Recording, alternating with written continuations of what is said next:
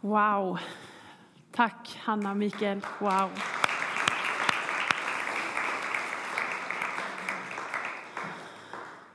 Verkligen. Fattar vi det? Fattar vi det att du betyder allt för Gud? Fattar vi det? Kan vi våga ta in det idag? Att du betyder allt, oavsett vilken plats du är på i livet. Oavsett hur många lyckande eller misslyckande du har, så betyder du allt för Gud. Det är så han ser på dig. Han räknar med dig. Han har lagt ner saker i dig som bara är dina. Ni sitter på fina stolar idag och det är ert namn på dem. Om ni inte sitter där så står de tomma. Det är ingen som tar dem. För det är er plats i Guds rike. Alla har vi den. Ingen är för mer än den andra. Så viktig är du för Gud. Wow. Hm. I veckan så vet jag, anar jag att ganska många av oss åt en semla. Var det så? Någon mer än jag? Eh, ja, precis. Flera kanske körde flera eh, frukost, lunch, middag, eftermiddag, kväll. Många semlor har det blivit. Eh, jag och Hanna vi körde på kontoret, eh, för vi har planeringsdag på tisdagen. Så vi köpte olika, för att det är ju kul att prova olika semlor. Men dagen efter fettisdagen är det askondagen. Och då inleds fastan, kan man säga. Eh, och då säger man det är 40 dagar till fastan. Det stämmer inte riktigt om ni räknar, det är 46. Men det är för att man inte fastar på söndagar. Så därför är det 40 dagar till påskafton. Om någon av er firade askondagen genom att gå på en mässa så kan man få ett kors i pannan stryket med aska. Eh, och det är egentligen för att påminna oss om vår dödlighet. Människans dödlighet. Kom ihåg, o människa, att du är stoft och åter skall bli stoft. Omvänd dig och tro evangelium, är oftast det som prästen säger när man delar ut det. Vad betyder det att fasta? Jo, men det betyder att man avhåller sig för mat för ett andligt syfte. Fasta har alltid varit en normal del Eh, av ett förhållande till Gud. Och det handlar om att dra oss in djupare, intimare och starkare med Gud. Så det är inte bara något som är överandligt för oss predikanter eller för några munkar i någon grotta någonstans, utan det är för oss alla. Eh, från år 100 så fastade man regelbundet. Då gjorde man det varje vecka. Man gjorde det på onsdagar, för det var den dag som Jesus blev förrådd av Judas. Det var därför man gjorde det på onsdagar. Och så gjorde man det på fredagar, för det var då han dog på korset. Det var så man gjorde. Att fasta i kyrkan och i frikyrkan, det har gått lite upp och ner kan jag säga som har läst på lite. Eh, vissa tider har det varit eh, mer populärt att undervisa om det och andra perioder så har det inte varit så. Men om vi läser i Bergspredikan i Matteus 6 så säger Gud tre saker, Jesus säger tre saker som är verkar vara sådär självklara. Han säger när ni ger, när ni ber och när ni fastar. Eh, det är ju inte något sådär om i den texten. Utan det här verkar vara som att när Jesus står där och pratar till de som sitter framför, så verkar det vara att det är de här grejerna. När ni ger, när ni ber och när ni fastar.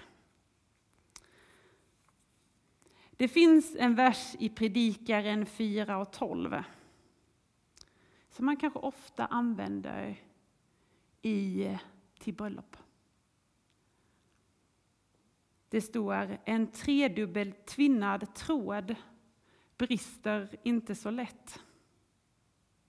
Och det verkar som, här är det tre saker som verkar vara bärande i en troendes liv. Någonting som vi gör, det är något av våra som vi praktiserar.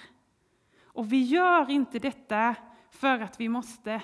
Vi gör det för att Gud säger att vi är söner och döttrar. Han säger att vi är medarvingar till hans rike.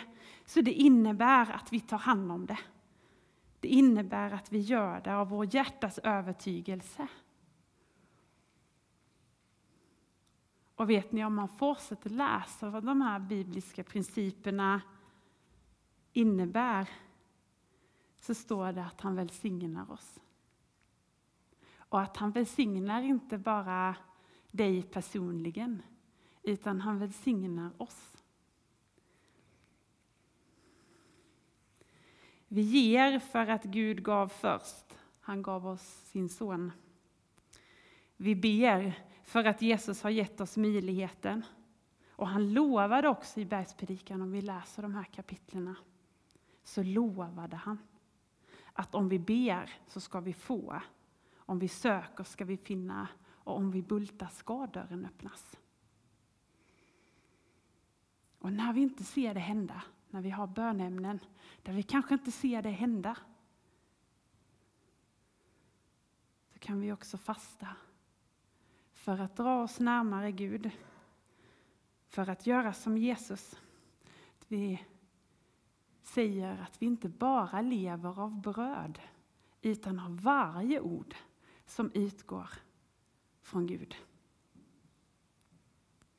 Dessutom så får vi göra de här tre sakerna där Gud har placerat oss. Han har placerat oss här i Tibor. Så det är hit jag ger av mina pengar. Det här jag ger eh, av min tid. Det är här jag ber. För er som jag möter personligen varje vecka. Eh, för er som jag vet känner sig hemma i den här församlingen. För er som ringer och säger kan du be för det här? Ber vi för varje vecka. Och det är här jag fastar. Och det är ju så här, det kan ju vara lite provocerande när Jesus inte ger oss en sån här, ja men, om. Utan han säger när. Så finns det ju liksom, vi kan ju fasta av olika anledningar och då finns det lite bättre anledningar och sämre anledningar om man säger så. Eh, så jag tänkte prata lite om det. Eh, vi fastar ju inte för att gå ner i vikt. Man kan säkert tappa några kilo beroende på hur länge du fastar och om du tar bort all mat. Eh, men biblisk fasta, ja det handlar om att man utesluter mat. Men det handlar ju om att jag drar bort mitt fokus från kroppen, som annars har rätt mycket fokus för oss alla. Eh, så att fasta för att gå ner i vikt, då drar man ännu mer fokus till kroppen. Och det är liksom tvärt emot. Man fastar heller inte för att bli godkänd, accepterad, älskad eller förlåten av Gud. Absolut inte. För så långt innan vi kunde framföra någon som helst prestation så har Gud redan valt dig. Han valde att bli människa och dö för dig och mig. Hans val. Och genom att vi säger ja till det så tar vi emot den gåvan och han förlåter vår synd. Så vi är redan genom vårt ja både godkända och accepterade, älskade och förlåtna. Allt detta redan utan att vi har gjort oss förtjänta av det. Så eh, man gör heller inte det för att eh, bevisa hur duktig man är inför andra. Det står i bergspredikan så här. När ni fastar, visa då inte upp er för andra som hycklare som ser dystra och ovårdade ut bara för att folk ska lägga märke till att de fastar. Sannerligen säger jag, de har redan fått ut sin lön. Nej, när du fastar ska du sköta om ditt hår och tvätta dig som vanligt. Låt fastan vara en hemlighet mellan dig och din fader i himlen. Han vet allt och ska belöna dig. Detta är från Nybibeln också, så det är en liten annan översättning. Ibland kan man också fasta för att sälja in sin bön till Gud. Det har jag gjort. Det är inte så bra motiv. Eh, och vi, har ni frågor om det sen på, man kan fasta på både lyckas och misslyckas, jag tar upp det lite sen. Eh, men märkt att, att kanske fler än jag har jag hört när jag har frågat andra som har fastat, att man eh, försöker sälja in en bön till Gud. Man liksom fastar för att eh, övertyga Gud om att eh, eh, ge mig ett bönesvar som han annars inte hade gjort. Att jag har en agenda. Att jag försöker övertyga Gud att svara på någonting eh, på mitt sätt. Det är heller inte så lätt för Gud att möta mig i den fastan. Jag tänker lite så här, Gud, han som vet allt. Han vet ju egentligen det som är bäst för mig. Det tror jag, helt och fullt. Ibland är det väldigt svårt att släppa den kontrollen. Men jag tänker att jag har ett begränsat perspektiv. Det når inte så långt. Ibland är det väldigt nära perspektiv här. Men i fastan så märker jag att Gud kan kan eh, visa mig en mycket större väg som han har för oss. För jag kan aldrig tänka så stort till som han kan. Ehm, så det, mitt tips är att ska man fasta så ska man försöka släppa sin egen agenda och närma sig Gud eh, för att man söker honom i något. I Apostlagärningarna 13 så fastade och bad man eh, för att man ville att den helige Ande skulle ge, vad är nästa steg att ta? Vad är nästa steg att ta? De hade inte en färdig agenda som de presenterade för Gud, som han skulle välsigna. Utan på något sätt så kom de med ett hjärta fyllt av att, men Gud, vi vill veta, vad är nästa steg? Vad kan vi göra? Fasta handlar ju om att man avstår någonting. I Bibeln handlar det om mat. Och man gör det för att söka Gud, för att komma nära honom genom bön eller bibelläsning, eh, bönepromenader, ja, den tiden du tar för att rikta dig mot Gud. Så den huvudanledningen till fastan är alltså umgänget med Gud. Det är inte vad jag avstår ifrån, utan det är vem jag vänder mig till.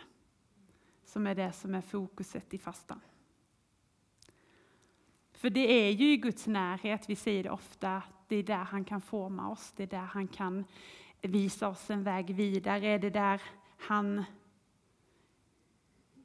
verkligen kan på något sätt visa oss det där vi längtar efter, att vi blir lite mer sanna mot oss själva, vilka vi är och vad han har lagt ner i oss. När jag har frågat vänner som jag vet fastar hur de upplever det, så upplever de att, att när de har uteslutit mat, att, att de blir skärpta till sinnet, att de blir både ödmjuka och tacksamma. Eh, och upplever att de själva får en bättre skärpa. Eh. Och samtidigt så är det ju inte något vi bara gör för att vi måste. Ibland så tror jag att Herren kan titta på sitt folk och så suckar han och så säger han, inte religion igen. Någon mer som, än jag som har tänkt på det? Ibland så tror jag att han tycker att mitt liv går på rutin. Där till och med min Eh, tillbedjan och lovsång och vårt offer bara blir en tum aktivitet där hjärtat inte är med. Vi gör det för att vi alltid har gjort det. Eh, och vi kan ju be och läsa Bibeln och gå till kyrkan men ändå tappa den första kärleken till honom. som inte handlar om vad vi gör, utan som handlar om en vänskap. Vi kan tappa den. Och Det handlar inte om att vi slutar älska honom. Det handlar om att livet rullar på och saker händer och vi bara fortsätter göra liksom våra rutiner. Och det är inte dåligt att gå till kyrkan. Det är inte dåligt att läsa Bibeln. Det är inte dåligt att be. Eh, även om man tappar bort hjärtat och kanske entusiasmen och fräschheten emellanåt. Så jag hoppas att ni hör vad jag säger. Men Gud, han vill ju ha hjärtat. Så oavsett om det är den där sucken på morgonen eller den 21 dagars fastan eller det på söndagen så vill han ju ha hjärtat i det som vi gör. Det är det som faktiskt tillfredsställer vår Gud. Så även om vi riktar upp det ena eller det andra vi gör så är det ju faktiskt det som har med vårt hjärta att göra. Som faktiskt är det som får hela himlen att ropa halleluja.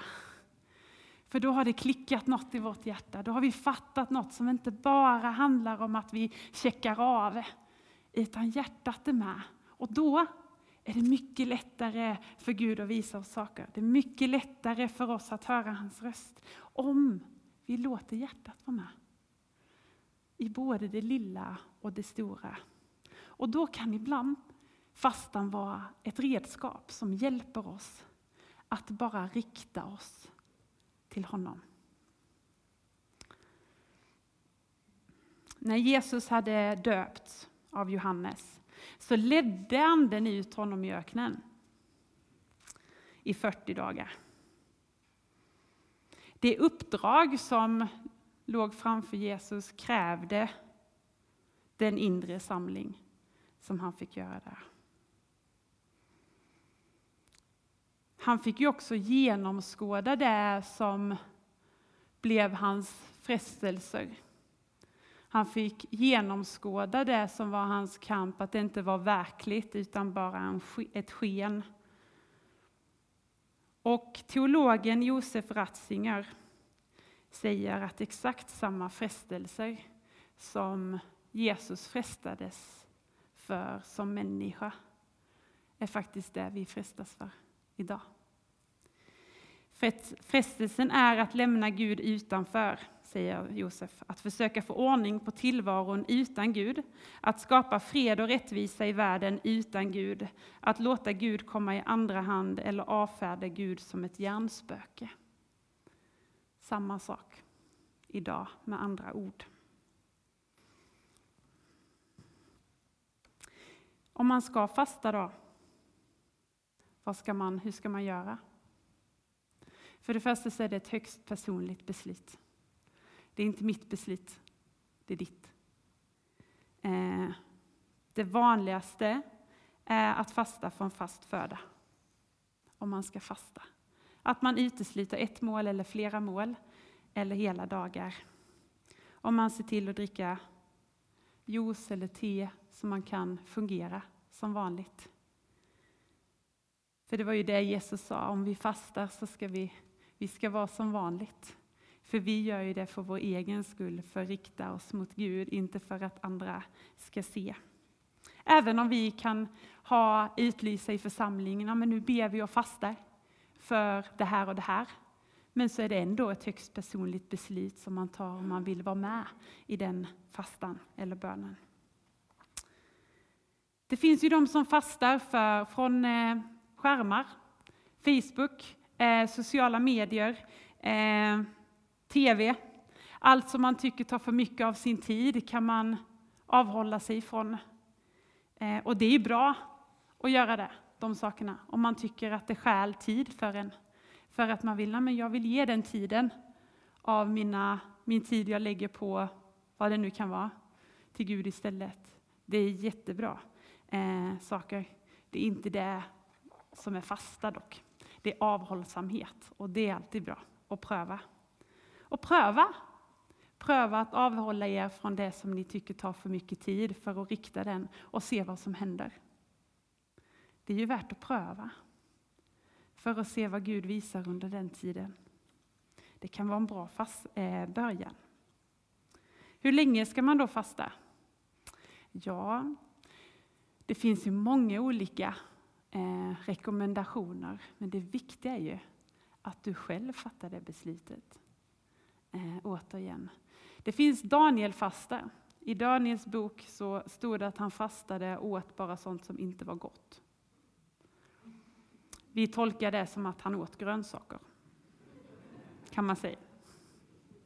Det, det kan man också göra.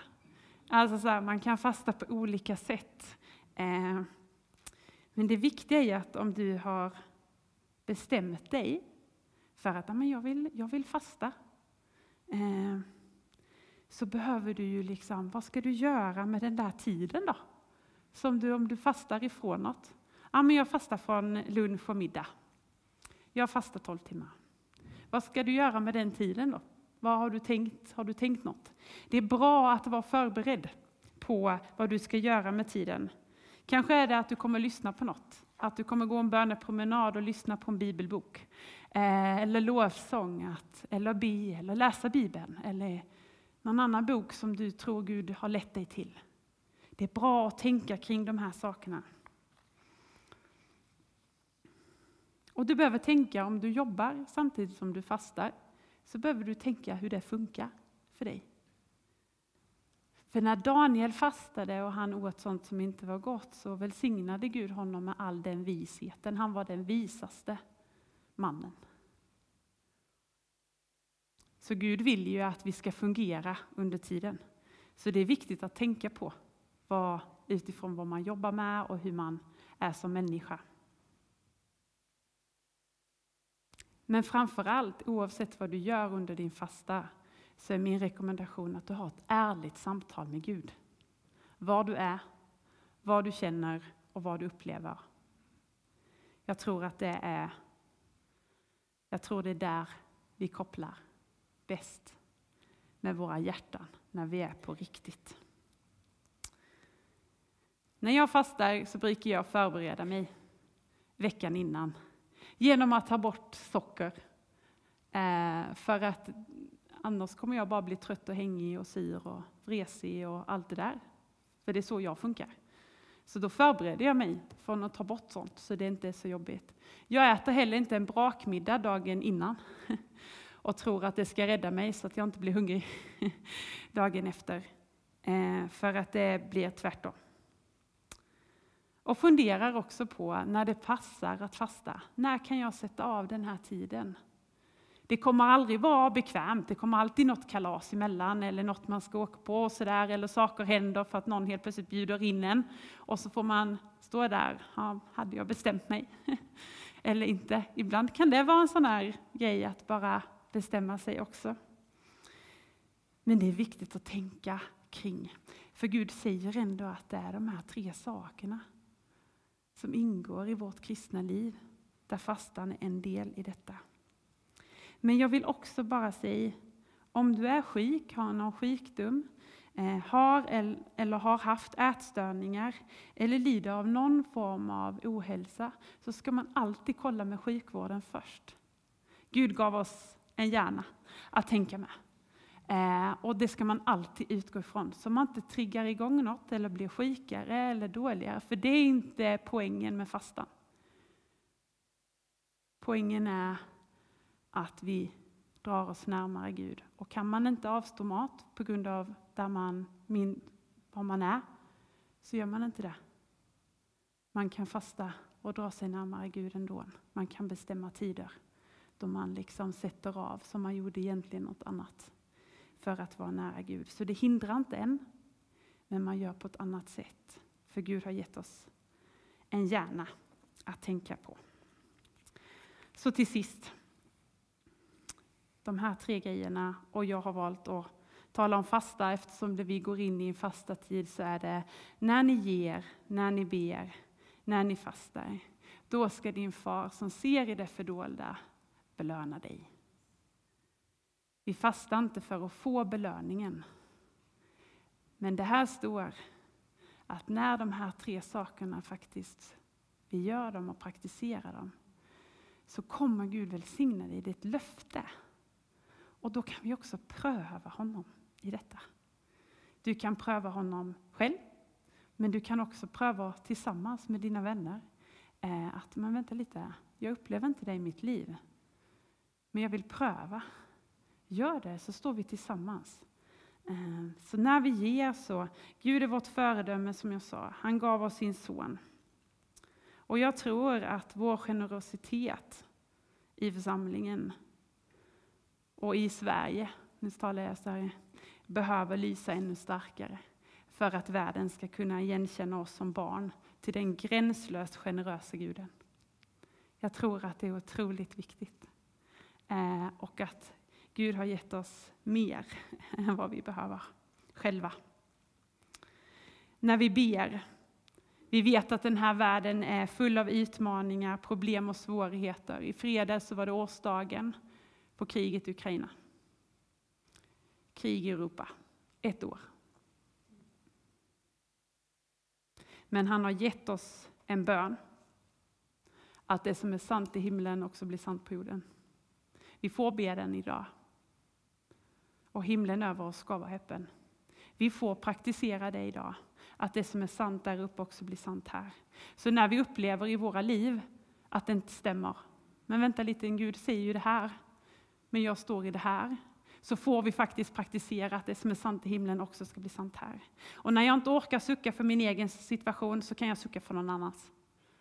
Det är därför vi delar bönämne, det är därför vi berättar saker för varandra i församlingen. Inte för att snoka i varandras omständigheter utan faktiskt att kunna stå fasta och be för dig. När du inte orkar sätta ord på din situation. För att faktiskt proklamera det som är sant i himlen också blir sant här. För det finns ingenting som hindrar det. Det enda som hindrar Gud från att göra saker det är att vi inte ber. Har ni tänkt på det? För om Gud är allvetande, men han har valt dig och mig att tjäna igenom, då är det ju genom våra böner som förlöser saker. Inte för att vi är så mäktiga eller fantastiska, utan för att vi är hans barn och att han har gett oss rätten att faktiskt proklamera det det som är sanning. Och till och med de första lärjungarna kunde inte befria en människa till hälsa och läkedom, för det krävdes bön och fasta. Så när vi fastar så proklamerar vi var att vi sätter Gud först. Det är ju det vi gör. Vi offrar någonting som är bekvämt för oss för att närma oss Gud. För att han ska säga, han ska lyfta på slyan på det där området som vi så gärna vill ha bönesvar för. I fastan finns nycklar, tror jag, för vår nations framtid. För att han har gjort det klart, för ibland så behövs det fasta och bön för att genombrott ska ske. Behövde Jesus göra det och de första lärjungarna göra det, så behöver lärjungarna idag även göra det. Och vi kan göra det tillsammans. Jag vill avsluta min predikan så här med en hälsning till dig som sitter kanske hemma och du kanske sitter här. För när jag förberedde den här predikan så upplevde jag att Eh, jag fick en profetisk hälsning. Och när jag delar en profetisk hälsning så gör jag det på en öppen hand så här. Det är att jag upplever att Gud har sagt någonting. Så lägger jag det på en öppen hand och så får ni pröva. Och för den som det stämmer överens på så ber jag att Gud ska välsigna dig i det. Och du som sitter hemma, likadant. Om du känner att den här hälsningen är till dig, ta den till dig och pröva den. Så tror jag Gud vill visa dig någonting. I första Samuelsboken 14 så säger Jonatan, som är Sauls son, till sin väpnare. För inget hindrar Herren att ge seger genom några få, lika väl som genom många. Och jag upplever att, att Herren säger, var inte rädd. Eh, och att han vill visa dig hur många som faktiskt strider för din sak. Hur många du faktiskt har på din sida om du bara vågar berätta. Om du bara vågar sträcka ut din hand så vill Gud visa dig att det handlar inte om mängden, saker. Det handlar inte om mängden människor. Eh, det handlar inte om mängden beslut. Utan det handlar om att eh, Gud kan ge seger genom en som genom många. Och sen vill jag också till dig som har ryggproblem i övre delen av ryggen. Jag frågar Gud vad han vill börja göra eh, i form av hela eller säga helt enkelt. Så ibland så upplever jag hur Gud ger mig ställen i kroppen som gör ont, där han lyser på att men det här vill jag göra. Så jag tänker att ni får pröva det tillsammans med mig och ni får pröva det där hemma. Så sitter du där hemma och har jätteont mellan skulderbladen och uppe över axlarna och det drar ner i armarna, så tror jag Gud vill möta dig med läkedom idag. Att han vill möta dig med helande. För Gud hade inte helat mig om han inte ville hela alla. Så vi ber. Jesus, jag tackar dig för att du är en Gud som talar. Att du är en Gud som vill att vi ska närma oss dig, för du står där. Du står där alldeles bakom oss och så fort vi riktar blicken så är du där för att tala. Herre, hjälp oss att lägga ner vår egen agenda, Herre Jesus. Och det jag har sagt idag, Herre Jesus, som inte var av dig, låt det bara falla platt till marken, Herre Jesus. Men det som var av dig, låt det bära frukt, Herre Jesus. Tack för dina principer, tack för att de riktar oss, tack för att de hjälper oss och tack för att de kan välsigna oss långt mycket mer än vad vi kan tänka och förstå. Så att vi kan lisa på, mot dem som faktiskt ännu inte känner dig. För att de ska få uppleva det vi har fått uppleva.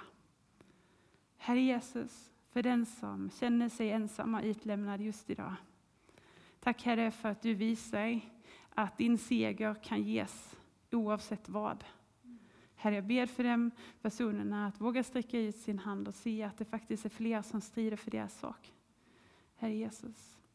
Och för den som har smärta och ont, Herre Jesus, så proklamerar ditt helande.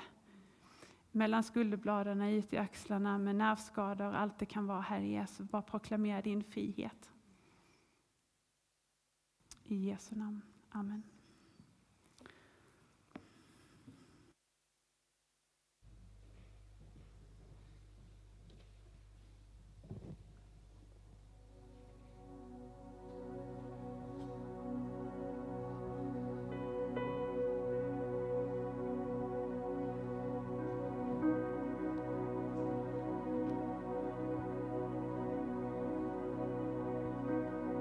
Jesus, du förtjänar allt. Jesus, du förtjänar allt.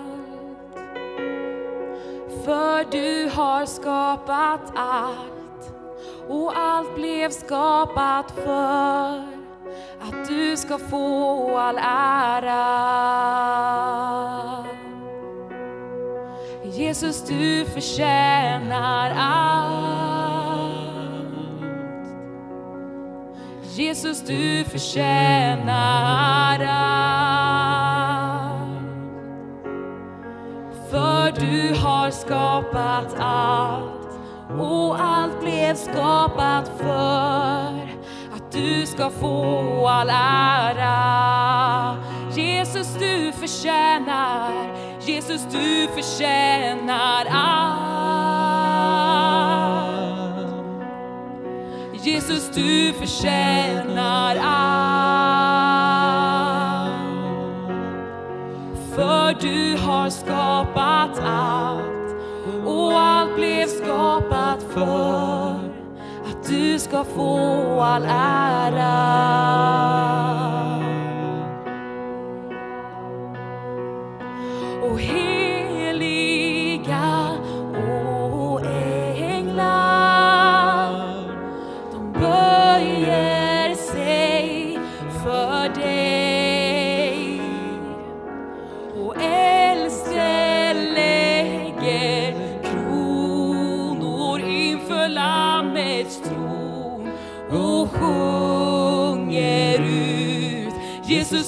förtjänar allt.